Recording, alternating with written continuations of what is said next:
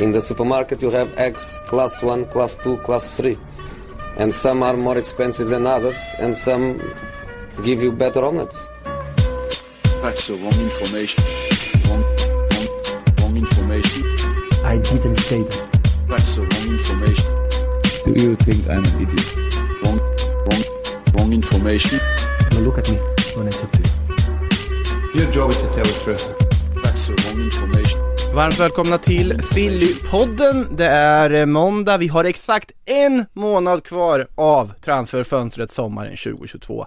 Mycket har hunnit hända, men mycket kan också fortfarande hända. Makoto Asahara heter jag.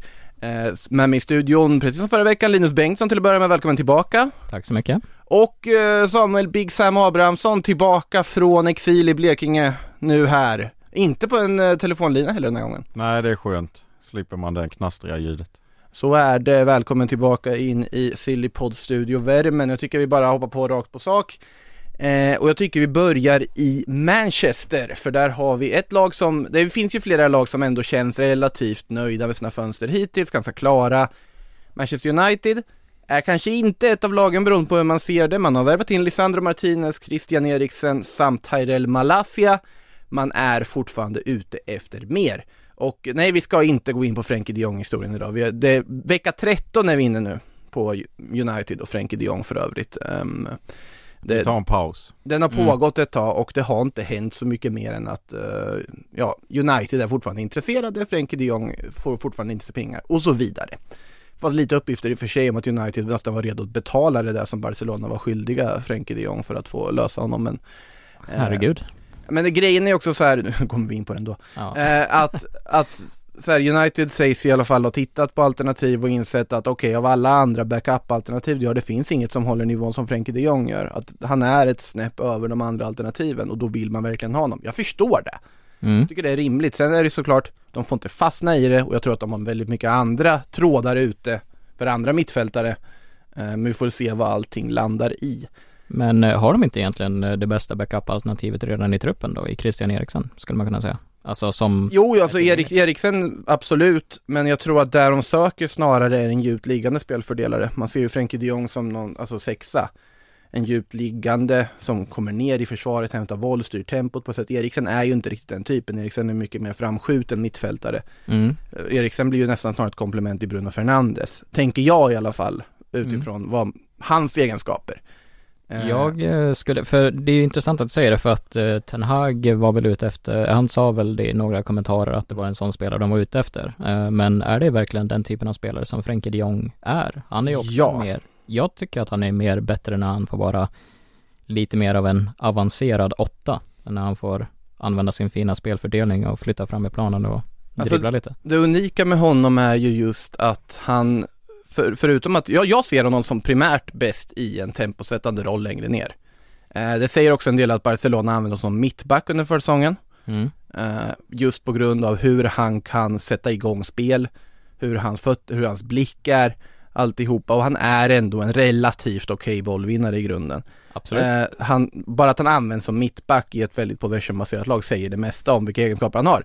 Däremot, det finns ju få spelare i världen som är så otroligt skickliga på att hitta rätt yta i rätt ögonblick i ett straffområde i en sån här andra vågslöpning som Frenkie de Jong är. Exakt. Ja, så att du förlorar den biten av spelet, absolut. Men För det jag skulle säga också är att han, när han har varit som bäst till exempel i Ajax så uh, tycker jag, då spelade ju Lasse Schöne bakom honom uh, i sexan-rollen där och i Barcelona så har ju Sergio Busquets spelat sexan-rollen bakom så han har ju egentligen aldrig varit den här temposättande sexan egentligen. Ehm, så att jag vet vad var Lasse Schön är så pass temposättande? Nej, men för Frenkie i det Ajax-laget var ju som sagt den här andra vågs mittfältaren som Mm. du precis nämnde.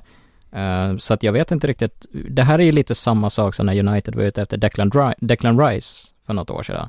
När man såg honom, det snackades om honom som den här sexan, men Declan Rice är inte heller en sexa egentligen. Han är ju, de är ju ganska lika i spelstilen båda de två. Eh, Alltså Rice är väl som en mer sittande mittfältare?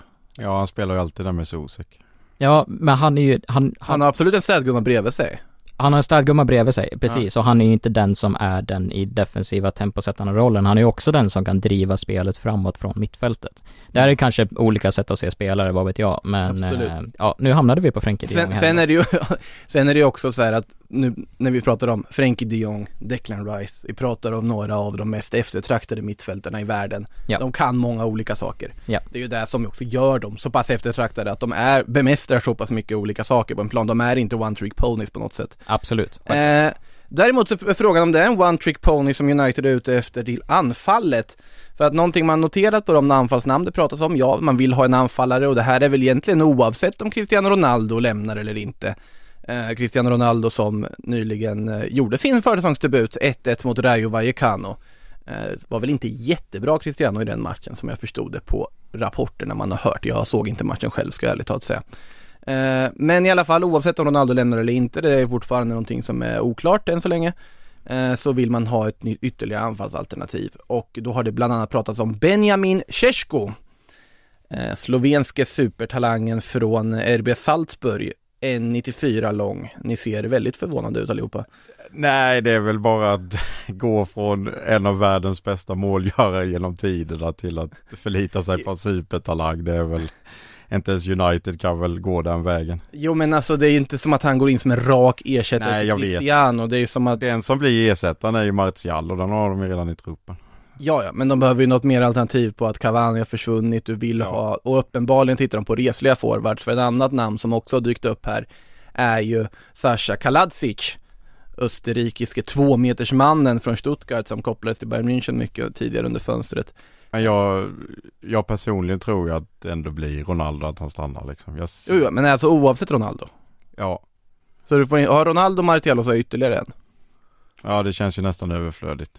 Beroende på att Martial kan spela på kanter också. Ja, sant. Men Ronaldo kräver ju alltid sin speltid. Det kvittar att han är 37. Han vill ju aldrig vila Mm. ens i en eh, liksom Nu kommer jag inte ens ihåg om de gick till Europa League eller Conference League men det kvittar ju liksom. Ja, De, de spelar i Europa League Ja, i år. precis. Men Ronaldo vill ju alltid spela så det känns så här Och Nej, och jag ser ju inte att han kommer flytta ändå. Jag ser gärna, alltså jag ser det gärna hända Mm. för att det skakar om transfermarknaden men vem ska ta honom liksom? Jag älskar ändå att du också bara indirekt skjuter ner liksom Uniteds jakt på en av världens liksom främsta Ja. anfallstalanger. Bara, Nej, Nej men nej det håller inte. Nej men jag Det tycker att eh, det är väl bra men United behöver ju spelare som levererar här och nu. Och det ansvaret kan man inte lägga på, jag vet inte hur gammal han är, det här med Nej åldrar. absolut, han är ju egentligen kanske inte redan 19 år gammal, Ja. 94 lång, har inte gjort, han har inte fått det här stora genombrottet i Salzburg än. Däremot så Då ser man ju, Om Chesko då alltså? Ja. Yes. Eh, för eh, Kaladzic är ju 25. jo Kalatic är 25 och där har du ju mer en färdig produkt som kommer gå in och bidra med egenskaper de kanske andra inte har. I Cesco så ser man ju en framtida Håland. Mm. Alltså på sättet han rör sig, sättet han alltid liksom Man läste en scoutingrapport där att många anfallare har ju en förmåga att driva ut i banan och hamna liksom på kanter och sånt. Tjechko är ju väldigt lik Haaland i det här sättet att han rör sig inte från det där straffområdet. Han mm. är centralt. Det enda han har i blicken är att göra mål. Det enda han har är att hur ska jag ta mig till ett läge där jag kan göra mål på bästa sätt och de egenskaperna Dessutom kombinationen styrka och teknik Mm. som också är väldigt svårt att hitta och alltså längden och alltihopa. Det finns väldigt mycket Erling Braut Haaland vibbar över det och inte bara då för att han, ja, håller på att slå igenom med just Salzburg. Eh, så att man förstår varför det är en upphausad spelare, han kopplas ju till många andra klubbar också. Eh, Murto ska ju ha varit i ett möte med eh, hans agent också för att liksom sondera terrängen och se om det kan vara aktuellt med en övergång redan nästa sommar, men vi får väl se vad det renderar i. Det skulle kunna vara någonting sådant att i och med att han är bara 19 år, att man investerar i honom nu och eh, låter honom vara kvar i, i Salzburg. Eh, för att kunna utveckla, man lånar tillbaka honom direkt eh, för att han ska kunna fortsätta utvecklas. Eller låter honom gå bakom Cristiano Ronaldo. Ja, precis. Ja, det beror ju på hur man ser på det. Alltså, så här, bättre fotbollsmässig fostran är ju svårt att få, om vi säger så. Absolut, men eh, ja, eller det beror väl på egentligen att, att, att gå bakom Cristiano Ronaldo i ett nybyggande Manchester United eller vara i Salzburg där det kommer vara en given startspelare, en av de klubbarna som är bäst på att utveckla talanger i hela världen. Givetvis är det, finns ju den aspekten också, Ja. och att RB Leipzig säkert har första kingen då. Eh, Precis, men då kanske det är bra att redan göra investeringen nu. Eh, Så är det. För annars så kommer det ju, man kan ju se en Leipzig-transfer hända i framtiden annars, som du säger. Ja, så, men det, som sagt, Uniteds anfallsjakt i alla fall är inte över, deras fönster är inte över i alla fall och de tittar fortfarande på alla möjliga alternativ. Om man ser till framtiden också där, bara en sista poäng Mm. på den, så är det ju bra för att Ronaldo kommer ju kanske förmodligen lämna efter det här eller nästa år. Eh, jag är svårt att se honom vara kvar efter det om de utnyttjar hans eh, ettårsklausul Om de, om de utnyttjar optionen så är det ju för att låna ut honom.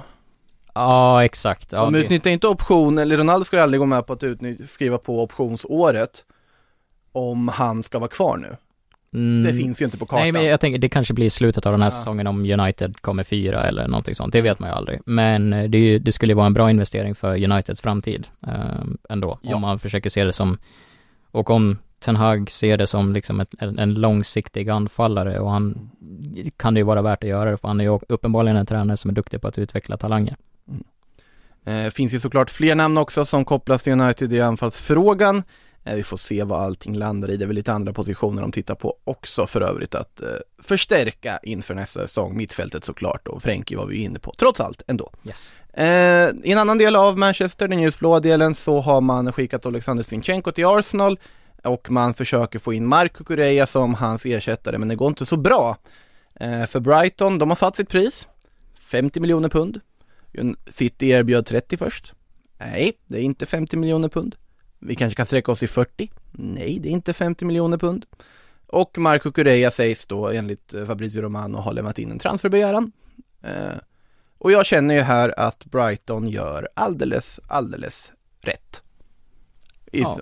Alltså var, varför ska de gå ner i pris på en spelare som har spelat ett år av ett femårsavtal, Mm. 23 år gammal, utsett till liksom lagets bästa spelare av fansen förra säsongen. Du vet att Manchester City som har obegränsat med resurser vill ha honom. 50 miljoner pund, punkt. Och då tycker jag att det, det är en ganska rimlig värdering de har gjort. De hade kunnat göra en Wesley Fofana-värdering av honom, men det har de inte gjort. Nej men det är jätterimligt och de behöver ju inte pengarna för ingen PL-klubb behöver pengar.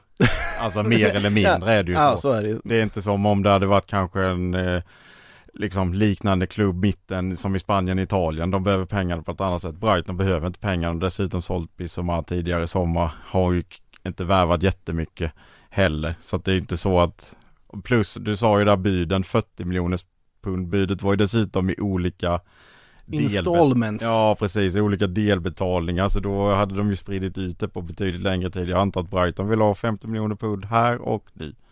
Ja det, det framgår inte exakt, det är 50 miljoner pund minst vill de ha för Ja. honom i alla fall och det, det, det är som sagt en rimlig värdering i sammanhanget sett till kontraktslängd, sett till ålder, sett till allt möjligt. Sen, sen kan jag ju bara flika in, det är ju ingen rolig situation för Brighton ändå att han har lämnat in en transferbegäran. Nej. Vägrade mer eller mindre att spela träningsmatchen i helgen. och de har premiär borta mot United på söndag liksom. Det, ju- ligan börjar ju ändå den här veckan får vi komma Det, ihåg. det är och för sig en bra poäng att säga att Premier League börjar i helgen. Ja, så att det är ju ändå det här transferfönstret fortsätter ju men det är ju ändå tror jag fem PL-omgångar bara i augusti liksom.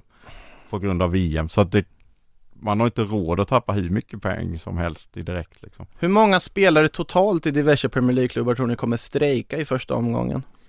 Oj, gud vilken bred fråga.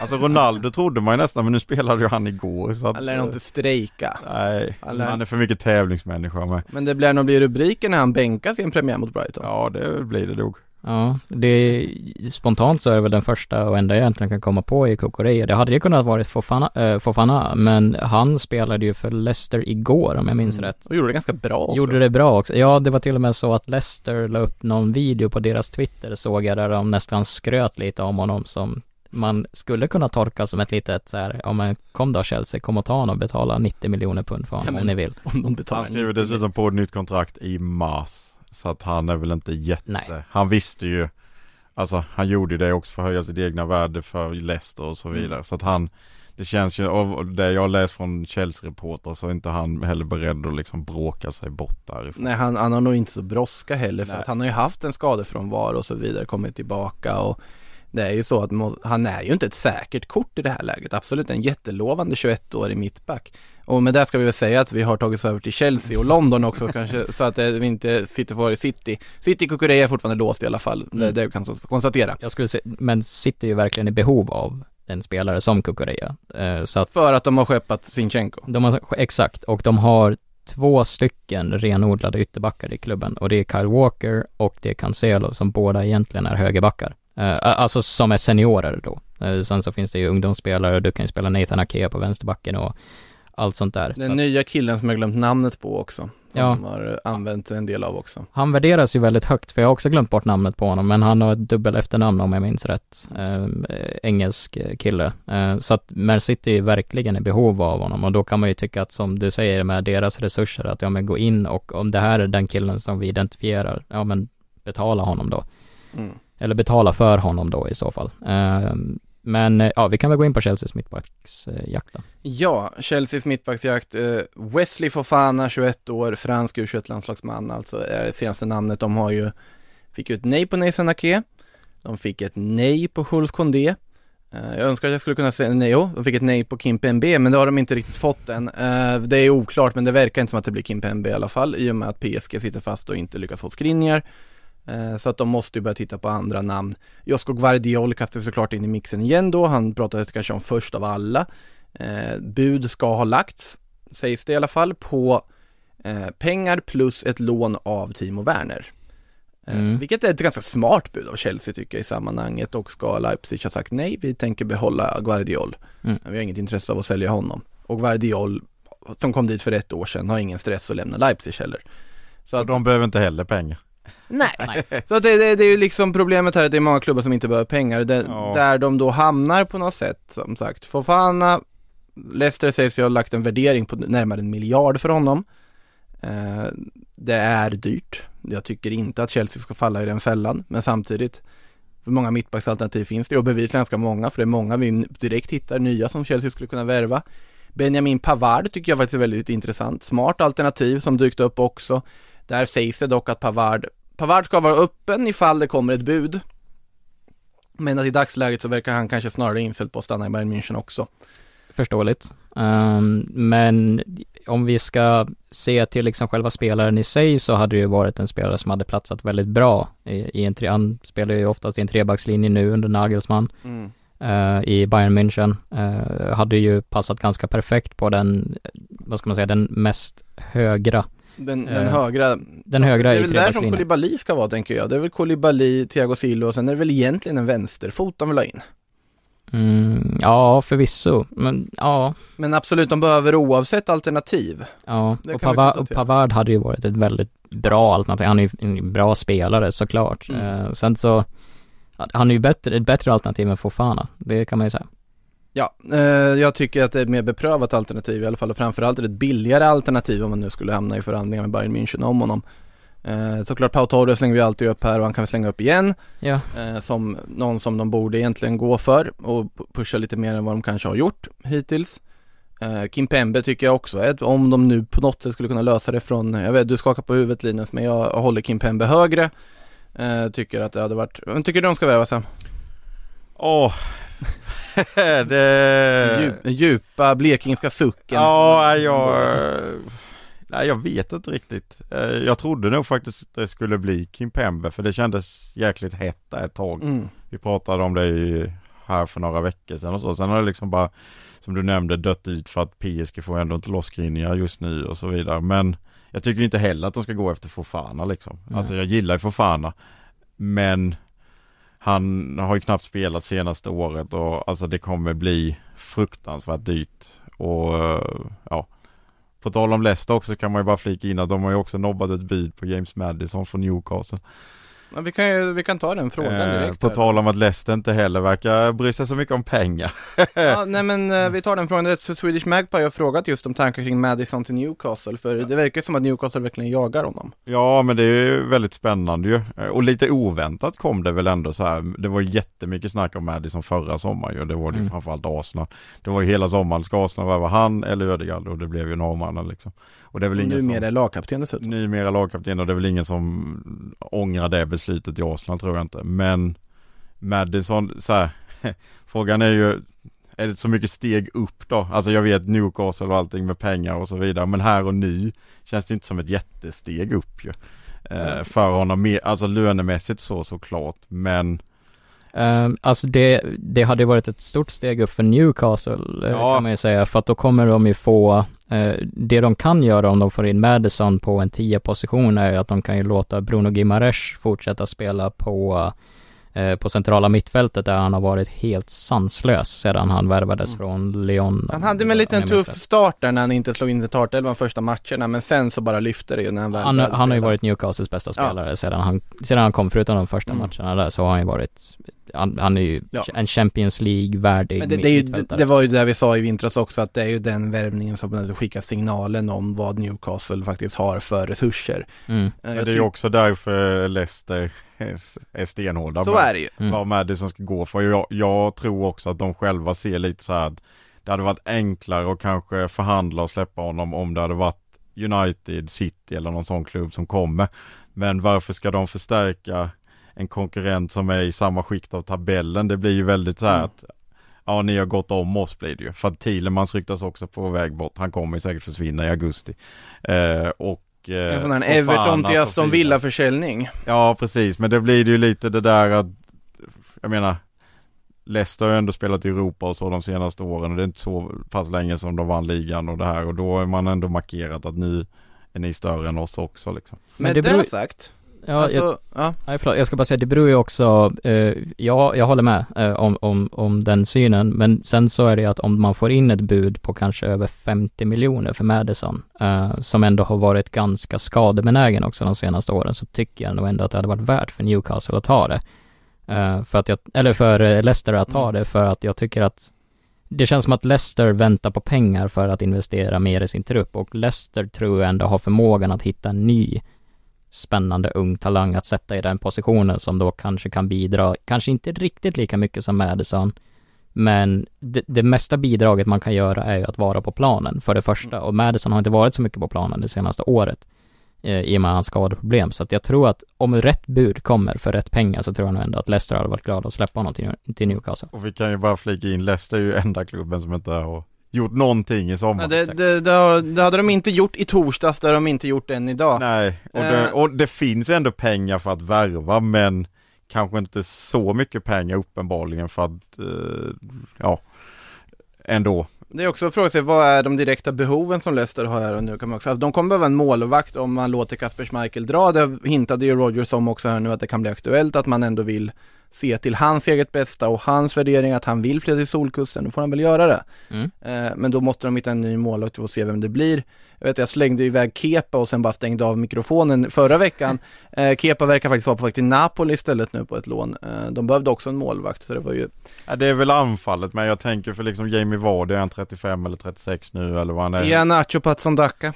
Ja, jag Patson vet. Daka tror jag kommer ha en ganska fin säsong i år. Jag Han, han är ju värvad för nu. Ja, det är ju nu han är värvad för. Ja, och jag tyckte att han visade ändå framåt slutet av förra säsongen att han ändå kommer kunna vara redo att ta en lite större Men- roll i år. Ja, eller jag, jag tycker att Leicester, de underpresterade i förra säsongen och det kanske inte är då att de behöver köpa nya spelare. Jag är ju tveksam om Brennan Rodgers borde varit kvar. Det är Ja. jag är redo att skriva under på. Jag tycker kanske att de borde ha sparkat honom redan efter säsongen liksom. Eh, och satsa på något nytt. Jag gillar Rodgers Mm. i grunden men jag tycker att han har liksom fastnat här nu i Leicester. De kommer inte riktigt längre. De, de, Mm. Alltså som det ser ut just nu så kan jag inte se att de ens utmanar om Europaplatserna. Nej, det har jag också svårt att Ja. se. Precis. Men det, det jag skulle säga från början där var att Absolut ur Leicester perspektiv, jag håller med om de får ett bud 50 miljoner, sälj bara liksom, accept- ta det och så bygg vidare. Men ur Newcastles perspektiv, det här är ju precis den hylla de ska gå in och peta på. Mm. Ja. Det är exakt den nivån av spelare, exakt som är lite så här att absolut man kan se någon förstärka en Big Six-klubb eller liksom en större klubb. Men det finns andra alternativ de går på istället. Det är där Newcastle ska in och poacha, det är den typen av spelare. Här också en homegrown-spelare. Jag är mer, kommer lite så här franska uppgifter om att Jack Harrison i Leeds också var på Newcastles agenda och att man ville lägga väldigt mycket pengar på honom. Då ser jag ju snarare att Madison-värvningen ser jag ju mer Mm, Alltså, det känns som en vettigare investering för dem här och nu och få mer kvalitet här och nu. Mm. Eh, sen ska vi ju inte räkna bort Lucas Paquetá i alltihopa än också som också kopplas till Newcastle mycket men även kopplas till Arsenal och andra klubbar. City också nu. City också beroende på vad som händer med Bernardo Silva. Vi kommer till Bernardo Silva lite senare här faktiskt. Men jag tänkte bara säga också där sista grejen om Newcastle, är att det var därför, precis den beskrivningen du gjorde där, vilken hylla de ska plocka från, det var Mm. därför jag verkligen gillade Alexander Isak-ryktet. Ehm, för att Det är rätt hylla. det är verkligen rätt hylla. Eh, Sen gillar inte jag det för Alexander Isak. Det är en annan sak. det, det, det beror väl på lite, alltså Det har ju dött nu då kan vi ju Det har, ju- säga. det har ju dött nu, men det är ju den typen av spelare de ska försöka gå för nu, Newcastle, för att liksom kunna cementera sig som kanske en topp 7-8 klubb eller någonting sånt. Ta Leicesters position i ligan, som de har haft de senaste åren. Absolut, absolut, jag håller helt med om att liksom Isak eh, är ju i rätt hylla på så vis. Vi får se. Eh, jag, tänkte, jag nämnde att Bernardo Silva skulle dyka upp här på agendan också, men jag tänkte vi skulle stanna lite i Chelsea. Fortfarande som sagt mittbacksjakt pågår. Även en, eh, ja, någon pågående följetong om Timo Werner, för vi vet fortfarande inte vad som ska hända med honom. Som sagt, Leipzig vill få tillbaka honom egentligen på ett lån och jobbar för det ganska hårt och Oliver Mintzlaff där, eh, Leipzig-bossen, är väldigt benägen om att försöka få Turbo-Timo tillbaka till Die Rote Bullen, men eh, det har han inte lyckats med än, han vill i alla fall inte ge upp Guardiol för det. Eh, prata lite om Real Madrid, Newcastle, Mm. har ju dykt upp här också, ska vi nämna, det kanske är ett hetare rykte i sånt fall, alltså just Timo Werner Newcastle. Juventus med va? Juventus såklart, de är ju ute efter en ytterligare Eftersom forward. det verkar svårt med Morata just nu, det har låst sig där också. Just Ja, nu i alla fall. Ja det, det, det löser sig säkert Ja, det gör det. deadline.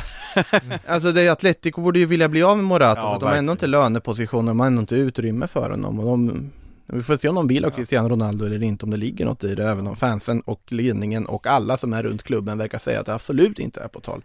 Så är det ju oftast ingen rök utan eld, tänker jag. Eh, sen kan ju det finnas olika former av eld såklart, Mm. som man kan tolka på olika vis. Absolut. Eh, vi, vi får se vad det blir, men Werner i alla fall, vad, om ni var Timo Werner, ni satt där i er lya i London, vad hade ni tänkt då just nu?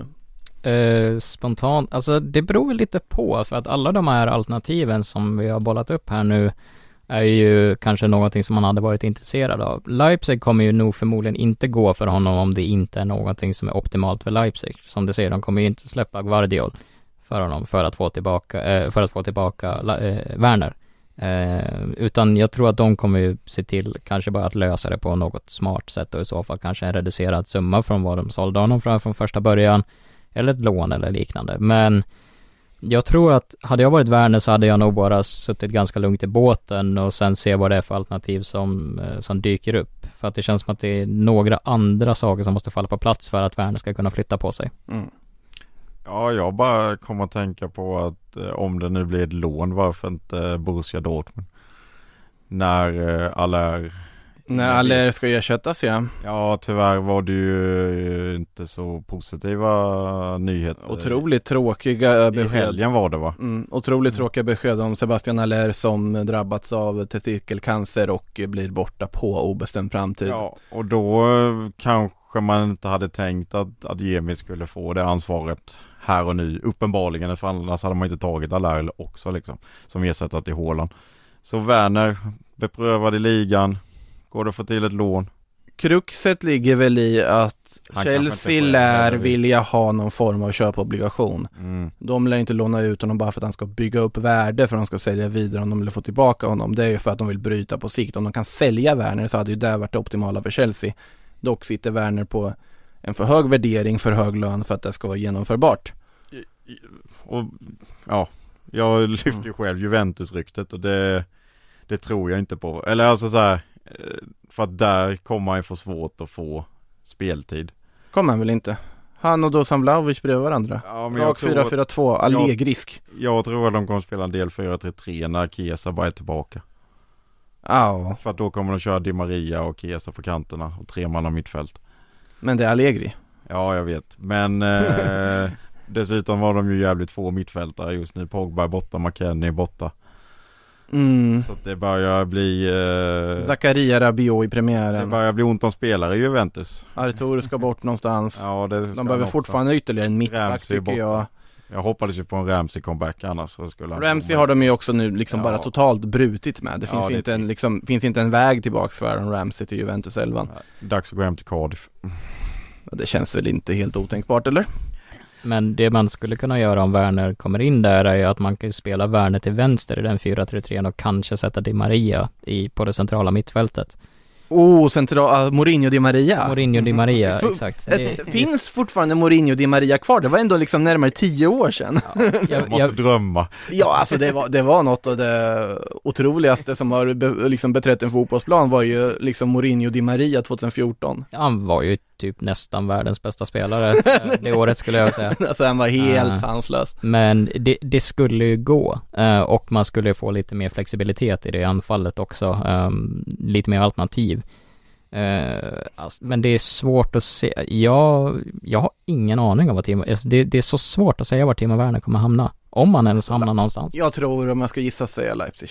Att han kommer tillbaks. De behöver en forward också. Mm, jag gillade Dortmund-förslaget dock. Eh, inte för Sen att, förstår jag Makotos tanke där med köpobligationen, men Ja. jag bara tänkte från Dortmunds perspektiv. ja, från Dort- Dortmunds perspektiv det Rakt lån, men Jag ser ju snarare Edin Dzeko på ett års kontrakt då. Ja men Edin Dzeko borde alla klubbar värva. Sant. Ja, bland annat Real Madrid, ska vi gå Ja. till dem? Eh, vad, vad håller du på med nu kanske ni undrar? Men ja, Real Madrid letar faktiskt en ny nia. Eh, för att de har insett, eh, de behövde tydligen en, ett prov, eh, liksom smakprov under El Clasico där på försäsongen för att inse att Eden Hazard som falsk nia kanske inte är det bästa alternativet för Real Madrid framöver. Chockerande. Ehm, så att de, då, Ancelotti tror inte riktigt på det här projektet, att ha Hazard som backup forward och de vill ha en andra fjol till Karim Benzema. För Luka Jovic har lämnat, Mariano är inte bra nog och Borja Majoral som kommer tillbaka från lån lär antagligen hamna i Getafe istället. Och då tittar man på lite olika alternativ och det är ganska svårt att hitta en spelare som är bra nog men också kan tänka sig att sitta väldigt mycket bänk. Eh, det är ju synd att Luke de Jong spelar i PSV Eindhoven nu och inte och gick tillbaka till, tillbaka dit istället för att um, vara kvar i, och liksom tillgänglig från Sevilla. det hade varit, jag tror aldrig jag skulle säga den meningen men den sa jag precis i alla fall.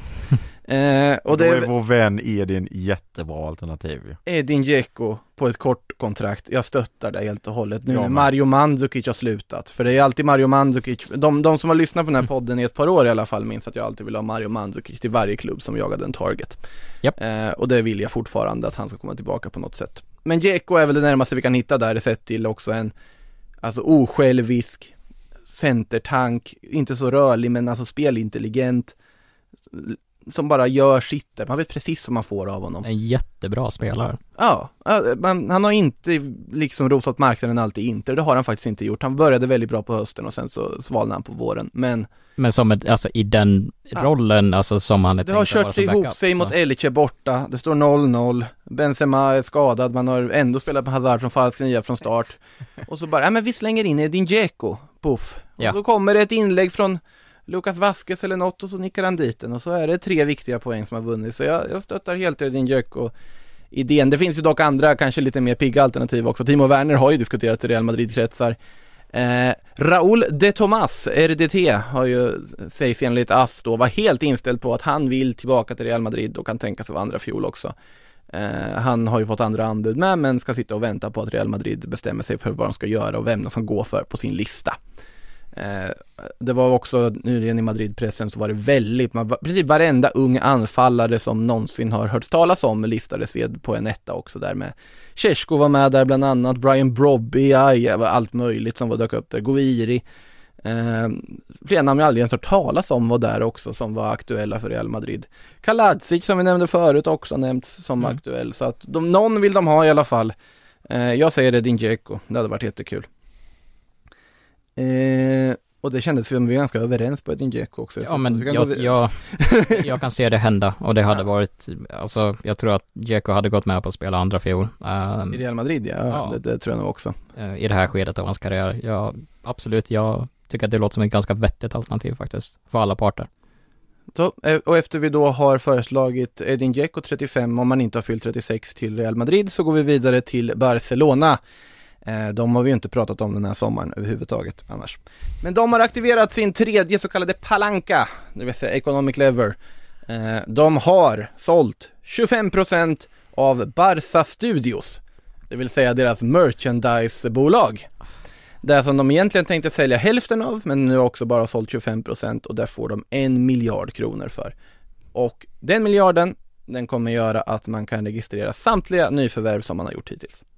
Mm, Sägs det. Eh, härligt. härligt. Jag är bara så trött på Barcelonas förbannade ekonomi måste jag säga. För att jag tycker det är, jag har klagat på den här förut och sågat detta totalt vad de håller på med så jag behöver inte göra det igen. Ja, Jag är ganska säker på att det finns nog ingen svenskspråkig podd som har pratat så mycket om Barcelonas finanser som den här i alla fall, det, det lovar jag säga. Eh, men så är det i alla fall, det, det var väl, eh, tror det var Cadena Ser som kom med att det var officiellt, att de har väl lyssnat på Laporta gissar jag på, att de har aktiverat den tredje och det, vill, och det innebär då att, som sagt, de kan registrera sina spelare, men Laporta sa också, tja, vi vill ha fler förstärkningar. De är inte Asså. nöjda så här. Och då är det ju såklart Cesar Aspilicueta, Mm. eh, är ju en av spelarna som det pratas väldigt mycket om. Vi får väl se om Chelsea är så benägna att sälja honom. Jag tror inte de är just nu med tanke på hur truppsituationen ser ut där. Och att de har snott två spelare Den, den lilla aspekten också. ögonen på dem. Och att de ville ha Osman Dembélé, de ville ha Robert Lewandowski, de ville ha Och, Och- det och Rafinha. De har värvat Andreas Christensen. det, det och nu vill de ha Aspilicueta och Marcos Alonso som ska vara första valet i ny vänsterback, för det vill de också ha. Eh, Xavi Galan och Sergio Reguilon anses vara backup-alternativ där. Eh, Mm. och, eh, men framförallt så vill de ju ha Bernardo Silva. Som skulle bli den dyraste värvningen de gör den här sommarfönstret, men den är helt beroende på om de lyckas sälja Frenkie de Jong. Ja. Eh, ja, Och han vill dit sägs det, av Det- gemensamma det klart. röster. det är klart han vill. Alltså ja, vad fan ska man börja med Barcelona igen alltså på riktigt? Ja, ehm, för, Alltså- skoj, för skojs skull häromdagen så gick jag in och kollade på, eh, på transfermarkt och bara så här, hur många spelare har Barcelona egentligen? Och eh, jag räknade till eh, nio försvarsspelare, eh, nio forwards och eh, ska vi se, en, två, tre, fyra, ja, jag tror att det är nio mittfältare också. De har ju de behöver sälja spelare nu. Istället för att aktivera sådana här hävstänger skulle man inte kunna försöka sälja lite spelare för att få in pengar? Eh, försöker snarare, ja de sålde ju Oscar Mingueza precis. Ja, du ser. Ja. Och det tycker jag faktiskt var ganska dumt att sälja Oscar Mingueza, för jag tyckte att det fanns, ett, fanns någon sorts liksom så här, truppvärde i honom. Eh, kan man tycka. Jag tycker Oscar Mingueza absolut, jag skulle aldrig kunna vara en startspelare i Barcelona. Men jag såg absolut värdet av att ha den typen av mångsidig, han kan spela mittback, han kan spela högerback, han kan spela vänsterback och få någon sorts normalt 2 plus arbete. Men han är där, han kommer aldrig börja gnälla om någonting. Och nu, han gick utan att säga ett ord, när Barcelona ville ha, liksom sälja honom så bestämde han sig, "Ja, men då går jag väl till Celta Vigo då. Men- Och så såldes han för ungefär lika mycket som Hammarby köpte Veton Berisha för. Det är ju det som är intressant där för att nu har de ju plockat in så många spelare som känns som att det börjar kunna gnällas redan i höst. Alltså det är bara min spontana känsla. För du sa Mingueza är ju perfekt, han kommer aldrig gnälla. Men alla de här de har köpt in, alla är ju tänkta att vara startspelare. Så verkar alla tycka att det är så jävla fantastiskt att vara i Barcelona. Mm. Fast de, att de inte ens är titelfavoriter. För det anser jag att Real Madrid ändå är. Yes. För att de har ett grundspel och liksom Jag vet att eh, Makoto och Ancelotti går inte alltid hand i Alltså hand det är men- svårt att argumentera mot en dubbel. Ja, Det, det, det är väldigt, väldigt svårt att argumentera mot en dubbel.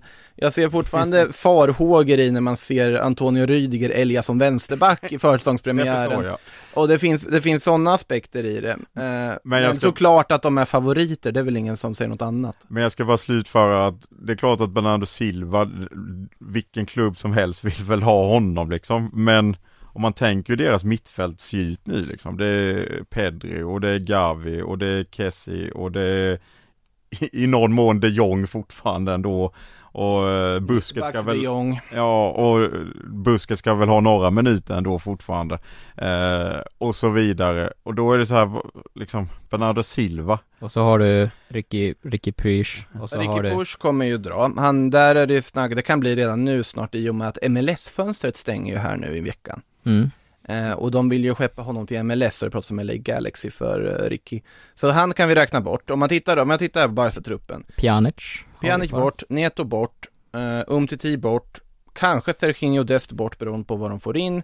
Nico vill de ha kvar, Collado ska bort, Pjanic ska som sagt bort, Ezabde kommer inte tillhöra A-truppen, Braithwaite pratar de om att bryta kontraktet rakt av, bara säga upp det. Eh, Memphis Depay vill de ha bort, men Memphis Depay känner att han vill vara kvar. Xavi säger att du kommer knappt få spela en sekund, men han vill ändå vara kvar. Vi får se vad det blir av det. Men jag tänkte bara, det, det, jag vet inte om det är ett, en styrka eller en svaghet att nästan ha en trupp då om alla de här försvinner också som egentligen alla anses vara startspelare.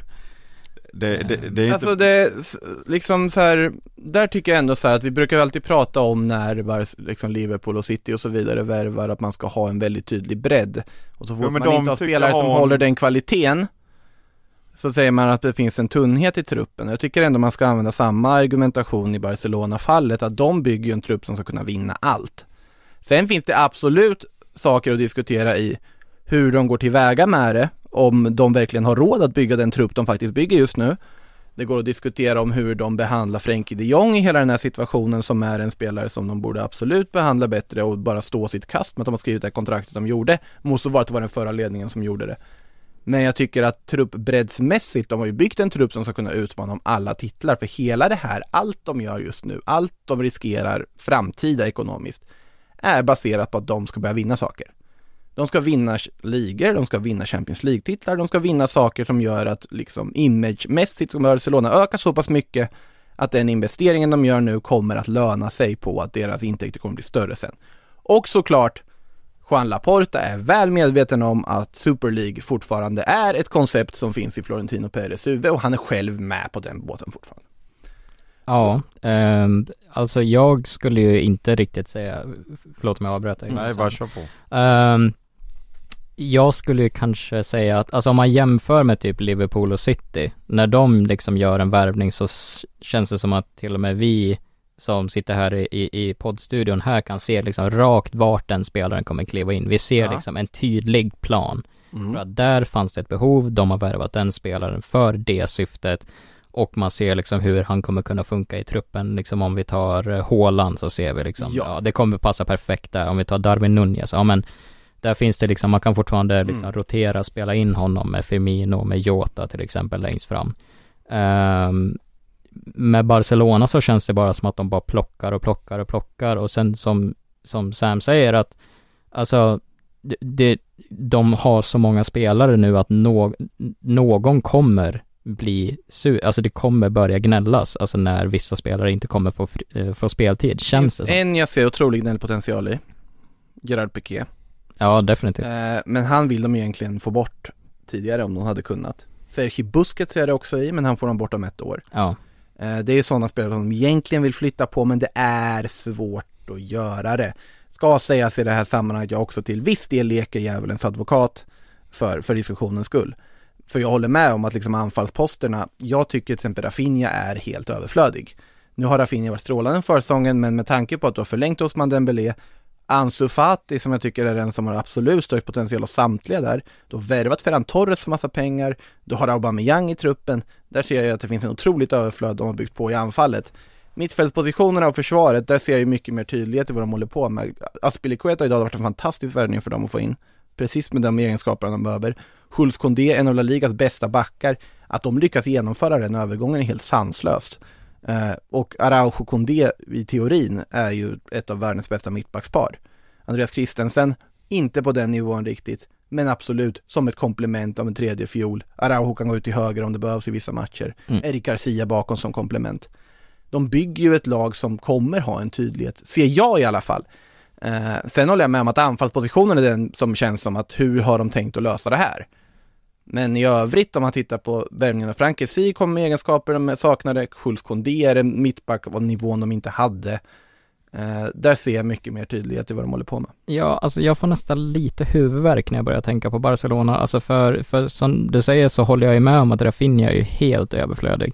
Egentligen fast han är en fantastisk spelare. Eh, i, I teorin så är ju också Robert Lewandowski lite överflödig. Jag håller med helt om det. Ehm, ja, även fast han är en av världens bästa anfallare. Ehm, för att de hade ju inte riktigt behovet av honom. Men de återstående 75 procenten av Barca Studios måste ju få in sina inkomster också. Ja. Och Robert Lewandowski-tröjorna säljer ju som smör i solsken. Jo, jag, med jag Memphis Depays att... nummer. Ja, ja. det är nummer nio som säger. jag håller ju också med där för jag tycker också så här att det finns en helt annan tydlig plan i de här bästa lagen som i Bayern, Liverpool, City så här, där finns det ändå tydliga roller att det är ändå i alla fall 8-9 spelare som du vet kommer spela alla de viktiga matcherna. I Barcelona, jag, jag kan inte jag kan inte sätta mer än eh, fyra namn där liksom. Att det, det är så rörigt tycker jag. Skulle ni säga att Chouameni är en överflödig värvning till Madrid? Inte på sikt, absolut inte, för där tycker jag att det finns snarare ett väldigt tydligt behov om, Ja. jag tycker personligen redan nu, att börja fasa ut Kroos och Modric. Fast Casemiro primärt kanske om man, det är Chouameni som ska in. jag tycker, ja, jag hade nog behållit Casemiro och spelat Chouameni och och, eh, åh, nu tappade jag namnet på han som, Kamavinga. ja, Kamavinga. Att man, att jag tror nog att det snarare är det framtida mittfältet och att man börjar fasa ut Kroos och Modric. Alltså, för, att- för där finns det en plan för det i alla fall. Plan, planen för Chouameni som jag ser det är att han ska ersätta Casemiro i sikt på sikt. jag, jag såg det som att han ska ersätta Modric på sikt, men Det här blir väldigt rörigt på Madrid-mittfältet i och med att de också vill ha Jude Bellingham. Ja, men där snackar vi överflödig värvning. Ehm, men i alla fall, Vill ni ha något överflödigt? Fabian Ruiz pratas om till Real Madrid också till nästa sommar. Där har vi något som skulle bli överflödigt. Bara för att avsluta allt med Barcelona så kan jag bara Vi kan ju nämna i alla fall Bernardo Silva från City-perspektivet också. Ja det, det kan ju vara vettigt. Att eh, så här, det, de kommer, nu vet inte jag hur lång kontrakt han sitter på. Han har ju velat, Guardiola har ju snackat om detta rätt tydligt innan att han har liksom lyckades få han att stanna ytterligare en säsong och sådär och det känns ju verkligen som en spelare de behöver behålla ändå. mm, För att det är så här Ska de in och ersätta och den här affären ska gå igenom allting? Jag litar på Pep så men Den kommer ju få spela sina säsonger redan igång och sådär. Och det, absolut. det känns inte som ett sätt de egentligen vill jobba här nu för Håland var ju till exempel jättetydligt. Det var ju klart redan i, alla visste ju i maj redan att det var så här Eh, Där har ju funnits en strategi och nu snackas det om namn hej vilt i så fall vem som ska ersätta Och det känns ju inte bra för Citys del i så fall tror jag inte Nej, det som hade varit då för City är att säga att man lyckas behålla Bernardo ett år till så kanske man går för Jude Bellingham nästa sommar. Där kan jag se liksom så här, ja men då kan du släppa den spelaren nu och så kan du få in, eh, alltså Bernardo nu och så får du in liksom en spelare som är yngre, har extremt hög potential till exempel. Men det, ska, det jag skulle också säga om, om Barcelona, som jag tycker skiljer dem väldigt mycket från om vi tar Ja, alltså just nu i, i europeisk fotboll så tycker jag att de två klubbarna som exemplif exemplifierar det här bäst är ju Liverpool och City. Ja. För eh, det som de gör så extremt bra, som Barcelona har misslyckats fatalt med, är ju att de, säl- de vet när de ska sälja spelare. De vet vem de ska sälja också för att kunna, alltså i rätt tillfälle. Och inte bara spelare som, om vi tar till exempel Mané nu då, utan det kan vara truppspelare också som Nico Williams. Ja men då får man in eh, 20 miljoner där, du kan sälja liksom många bäckar små. Ehm, Mm. och liksom de, och dess, dessutom det här också med, eh, med att man inte är så extremt sentimentala som till exempel när Liverpool sålde Coutinho. Att man vet att ja men det här är klubbens bästa spelare. Han Men- behövde ju dock strejka från träning först. Ja, han behövde det först, men det var ju för att... Och de fick 1,5 miljarder. Exakt, men jag tror att, säger att Liverpool hade kunnat få in Van Dijk den sommaren istället för att vänta till januari, så tror jag att de hade varit villiga att sälja Coutinho redan på, på sommaren istället. Mm. Till exempel, men Barcelona har ju misslyckats fatalt med det om man bara kollar som sagt på deras trupp att det, bara spelare som vi nämnde, om man vill fasa ut eh, Piqué, du vill få bort eh, Depay, du vill få bort eh, de Jong. Alltså veta när man ska sälja spelare är ju också lika viktig del av en transferstrategi som veta när man ska värva en spelare. Absolut. Där, där är ju någonting som till exempel Florentino Perez har varit fantastisk på, Mm. att pricka exakt när han ska Exakt. sälja spelare. Och en vik- viktig poäng här också som man glömmer ofta när man pratar om det här med att sälja spelare. Ja, hu- när du säljer en spelare, tycker i alla fall jag, den tajmingen, om den var bra eller inte, ska inte egentligen avgöras på hur bra spelaren var i sin nya miljö. Den ska avgöras på vad tillförde den spelaren till den truppen du är i just nu. Mm. Det är där också, lite som ett svar på liksom att många, det finns vissa som har undrat varför man hyllar Gabriel Jesus och Sinchenko värvningar till Arsenal så mycket. Det är ju bänkspelare i City som de blir av med och får massa pengar för. Ja, superbusiness av City. Mm. Men, för Arsenals del, där de är, så är det också superbusiness för att de får in spelare som de behöver. Så det finns ju liksom två sidor av det där myntet som man glömmer bort ibland. Bara en viktig poäng man ska, tänkte Absolut. lyfta. Och jag tycker att Arsenal också har blivit väldigt bättre, väldigt mycket bättre på det nu de senaste åren också. Det finns liksom en mycket mer tydlig plan. Ehm, och så, så att det är som du säger, det är smart business från båda sidor där och då vet ju City att det är någonting man kan utnyttja. Så är det. Eh, på tal om att sälja av spelare i rätt tillfälle, några som har en del att sälja av det är ju Paris Saint-Germain. Eh, för de har en hel drös spelare som inte ens fick åka med på Japan-turnén nu och är helt petade från allt som har med A-lagsfotboll att göra i den klubben. Eh, Gini Wijnaldum är en av dem och han verkar ju faktiskt närma sig Roma nu eh, med, på ett lån där med köpoption. Tycker att det är klockrent för Romas del. Jag får mig att vi snackade om det när vi körde live. Det gjorde vi säkerligen, men nu är det ännu närmare. Mm. Och jag gillar den värvningen, Ja. jättemycket. Den är superbra för Roma, för PSG kan man bara konstatera att den free transfervärvningen som gjordes med en annan form av värvningsfilosofi förra sommaren Det är bara att jämföra, förra sommaren så värvade man spelare som Messi, Ramos, Donnarumma, Wijnaldum. Alla var superkända, kom på fri transfer med höga löner i år så köper man spelare som Vitinha, Hugo Ekitike och Nordi Mukiele så det, ja, vi har märkt att Luis Campos och Christophe Galtier har börjat ha saker att säga till om. Och ja, det... Du älskar det. Ja, jag älskar det. ja, och det, vi får se om det här är rätt väg för dem till det de mest drömmer om, det vill säga Champions League-titeln. De fick i alla fall en Supercup-titel här under gårdagen när man besegrade Nans med 4-0. Sergio Ramos i målprotokollet för övrigt, tillsammans med Messi och Neymar. Med ett ganska läckert mål om jag inte minns fel. En pokalbild man aldrig trodde man skulle få se. Ramos, Messi. Neymar tillsammans. Så blev det i alla fall. Eh, Men PSG säljer ju inte bara Wijnaldum, de vill också skeppa Idrissa Gana Gueye och han ska vara mycket närmare Everton nu. En återkomst till Goodison Park för honom och det tycker jag också känns som ganska bra för alla parter. Ja, Everton är i De behöver. desperat behov av vem som helst i princip och Ghana Gay är ju väldigt, väldigt, väldigt bra mittfältare. Och när vi ändå pratar om saker som är bra för alla parter så kan vi även nämna Thilo Kehrer, tyske mittbacken som finns i PSG. Eh, han ska också bort. Sevilla vill värva honom som ersättare till Schultz Kondi och när Monchi värvar någon så vet man att då brukar han ju pricka ganska rätt. Sevilla har ju också fem försvarare just nu så det kan ju vara läge att plocka in några. Har de ens fem? Alltså jag, Jag tror det var det på transfermarkt, det var det för några dagar sedan, det kan ju ha ändrats. jag kan förvarna att i då Sportbladets 11 så att säga i årets eh, Ligabibel Europa som eh, går i tryck medan vi sitter här och pratar Eh, kanske borde kolla min telefon så att det inte är någonting man har missat i det mitt i. Eh, nu fick ni en liten inblick i hur det funkar när man gör en bibel också. Eh, så den kommer i alla fall här i veckan någon gång och eh, där så har man Marcao Rekik som mittbackspar. Det säger väl det mesta om att eh, Sevilla behöver en mittback till. Mm. Marcao presenterades idag med handskakning och allt så att eh, han är i alla fall klar. Härligt. Men eh, Thilo Kerrer kanske också då det här mittbacksparet. Och så frågan man ska göra med Leandro Paredes. Jag tycker att han hade varit ett utmärkt alternativ för väldigt många klubbar, för jag gillar Leandro Paredes väldigt mycket. Eh, Juventus är en av klubbarna där som det pratas om, Paredes ska ju vara överens med Juventus själv, men ska inte ha lagt något bud än. Och anledningen till att Juventus är ute efter Leandro Paredes är ju för att Paul Pogba är skadad, vi får se hur länge han är borta, och man vill ha en ersättare för att, eh, vi var inne på det, det här mittfältet behöver förstärkning. Definitivt. Ja, om Pogba ska opereras så missar han i största sannolikhet VM. Så att då Ja. förstår man graden av det.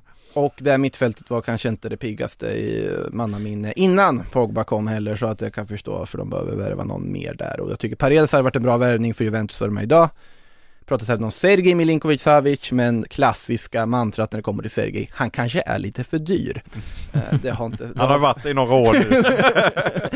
så, så är det. Eh, samtidigt så har eh, Milan snart gjort klart med Charles de Ketelaere, verkar det som en av de mest utdragna följetongerna vi har haft under den här transfersommaren. Vi har inte följt den så mycket i den här podden, men den har pågått i alla fall i kulisserna. Eh, verkar som att de får sin belgare nu till slut. Leeds la ju ett bud där för över en månad sedan. Han ville inte gå dit, väntade på Milan och till slut löste det sig. Mm. Verkar ju ha löst sig helt och hållet nu också, att de Ketelaere spelar i Milan nästa säsong. Eh, med det sagt så går vi på frågor. Vi har redan tagit en, men vi ska nog ta fler. Ja, vi kan väl skicka Sergej till United också då. För Per Romild frågar någon sanning alls i sms från Lazio till United med tanke på hela Frenkie de Jong-soppan. Alltså jag tror det finns sanning i att de tittar på Sergej, vet om Sergejs existens och överväger om Sergej är en spelare som skulle kunna spela i Manchester United. Jag tror Mm. inte det finns så mycket mer sanning än så. Nej, alltså Sergej Milinkovic Savic är ju i princip bara en sämre Frenkie de Jong. eh, eh, enligt mig. Eh, så jag, jag, jag håller ju Frenkie de Jong extremt högt här. Ja, men Ehm. du, du, ja, Sergej har ju vissa andra egenskaper som Frenkie de Jong inte har. Jo, men alltså Kraften, längden, pondusen som Sergej har, jag tycker han är en dyrare, Och kallas äldre. sms, bara det är ju... Ja, fantastisk fotbollsspelare. Uh, vet att nu var, gjorde han inte sin bästa match när Sverige mötte Serbien här, men då fick man ju möjlighet att se honom live. Och det är ju, det är en fröjd för ögat alltså. Han är, han är ju en väldigt fin spelare, men å andra sidan, det känns ju som en värvning som Manchester United hade kunnat göra. Eh, Som hade varit bra. han hade varit bra, men de Jong hade varit bättre. Ja, absolut. Men om man inte löser Frenkie de Jong så tycker jag Sergej är ett utmärkt alternativ. Inte samma alternativ, men ett utmärkt alternativ.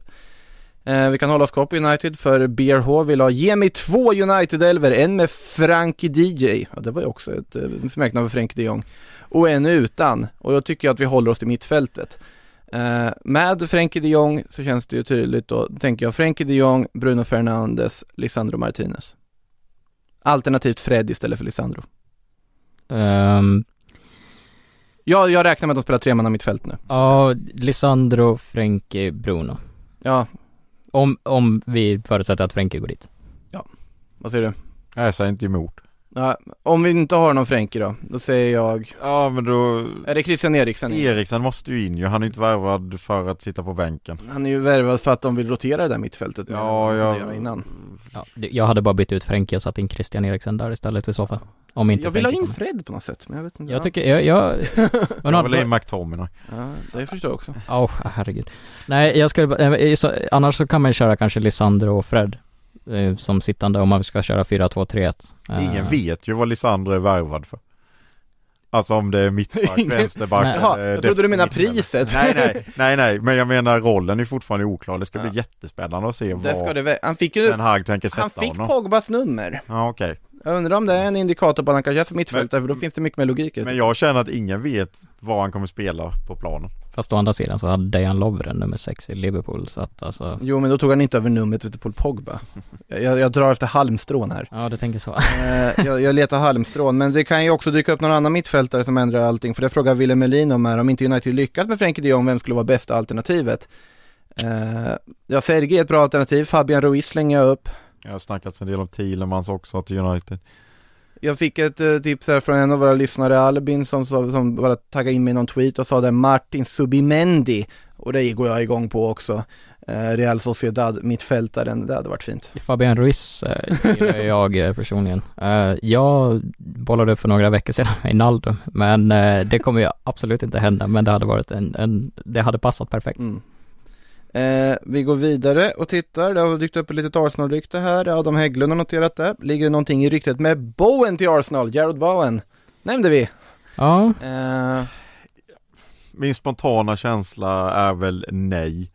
Eh, sitter på ett långt kontrakt i West Ham. Eh, dessutom, alltså Arsenal ska köpa en ytter som ska vara, det är ju liksom lite som vissa andra klubbar som ska köpa en ytter som ska vara bakom Saka liksom. Han, han ska sitta på bänken en hel del. Det är ju den ytten som ska in. Då kan man ju inte köpa Bowen för 80 miljoner pund som de kommer kräva. du vill ha en bänkytter? Ja men det är det de ska ha. Det är en bänkytter. Ja, för att det är rätt tydligt nu på försäsongen om man ser hur de har spelat också är ju att det är Partey, Xhaka och Ödegaard och sen är det Saka, Jesus, Martinelli. Det är det som gäller just här och nu. jag tycker att det, alltså, jag tycker inte att det finns någon anledning egentligen att byta ut den linjen heller. För att jag Mm. tycker att, Nej men det är inte köp, alltså Rafinha, det har ju till och med du sagt, sportchefen, där var det för att det kom en chans som de inte såg komma. mm, Det har han sagt i en intervju. Mm. att den trodde de inte och då tänkte de, vad fan, vi testar liksom. Mm. Sen fick han rätt tydligt, han vill bara till Barcelona, okej då backar vi. Där, då kan jag förstå det, men nu handlar det ju mer om att köpa en spelare som Liksom, Saka är ju Arsenals viktigaste spelare och bästa och största stjärna och den de ska bygga allting. Så det handlar om att få in en ytter bakom honom. Då kan man inte köpa Bowen för Alltså de pengarna liksom. jag har ingenting att tillägga till det. Jag tycker det låter jätte, väldigt klokt. Eh, vi kollar vidare på några frågor innan vi stänger ner. Robin säger Haaland kan inte ens göra mål när det är öppet och mot Adrian sämsta värvningen i sommar. Sitt ner lugnt i båten. Robin säger ja, det, kommer, det ska vi nog. Jag tror att Robin Ja. kommer få äta upp det.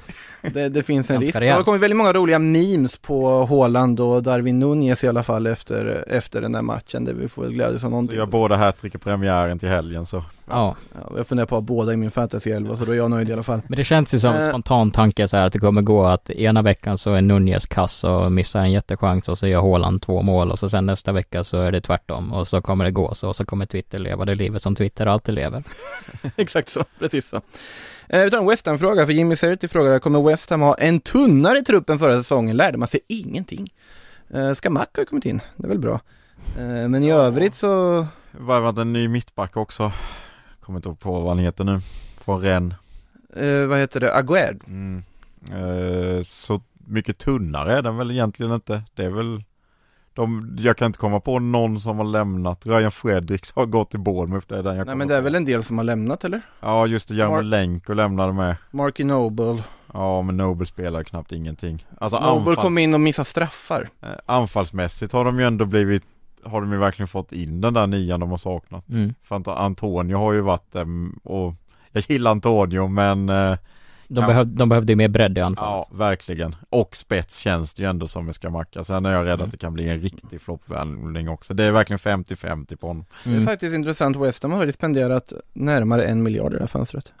Men Skamacka Alltså var dyr. 90,95 miljoner euro enligt Transfermarkt, Skamacka för 36, Aguerd för 35, Flynn Downs från Swansea för 10,65 och Alphonse Areola lossköpt från PSG.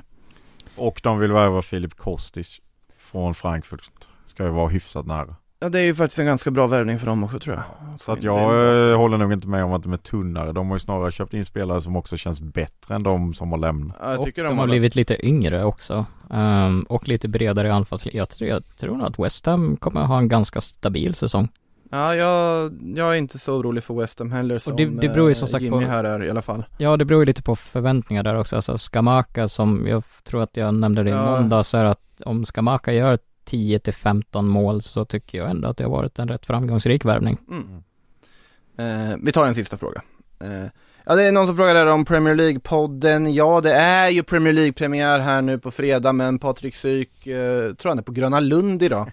Eh, om jag inte minns helt fel. Vi får se om man lyckas dra ihop någon inför säsongen, annars så dyker vi upp på måndag eh, nästa vecka och då blir det alltså inte Sillypodd måndag, då blir det PL-podd måndag igen. Men vi får se om det dyker upp något innan, jag vågar inte lova det ena eller andra. Eh, men eh, saker görs, eller som, som Gerard Romero brukar skriva på Twitter, things are happening utanför Barcelona-kontoret.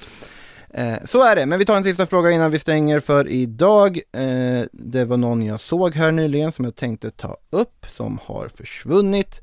Eh, jag, det är jag som klipper den här podden, så ni kommer få höra när jag löser frågan också.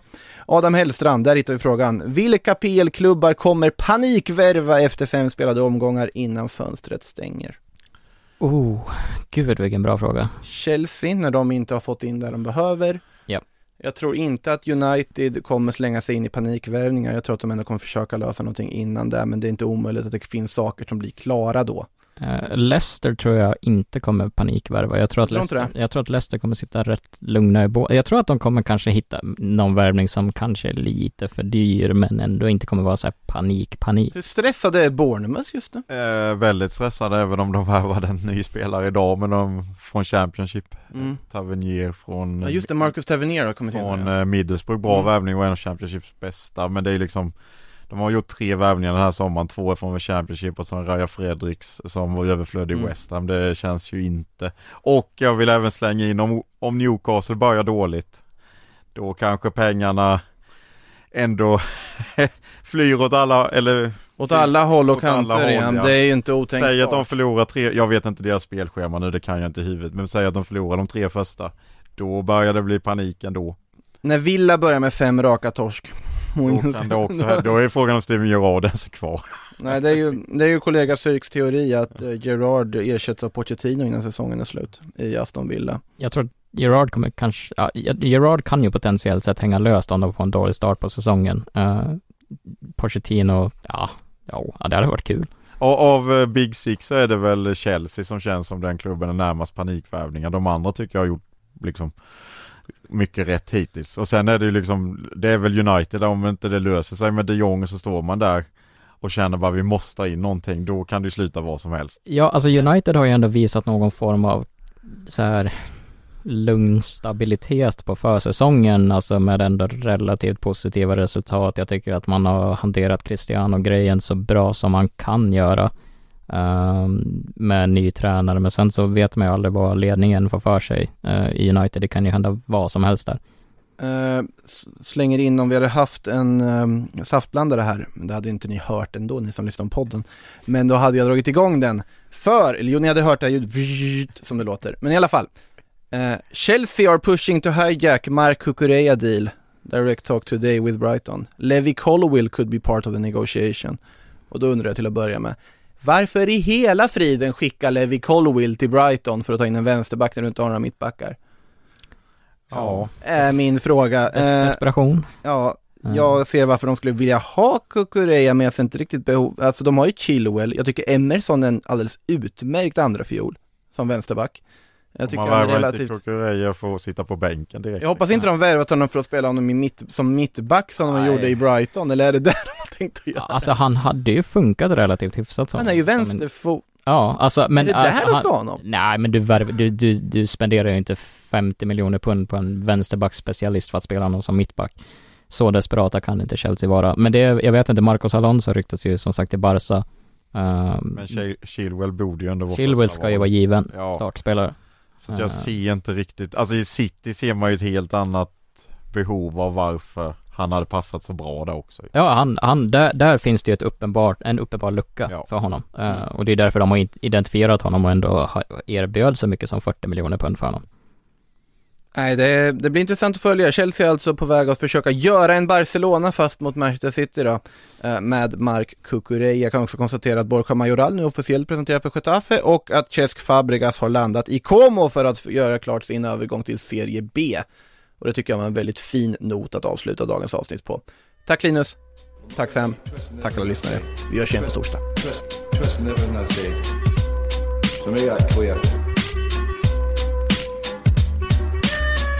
No eggs, no honey.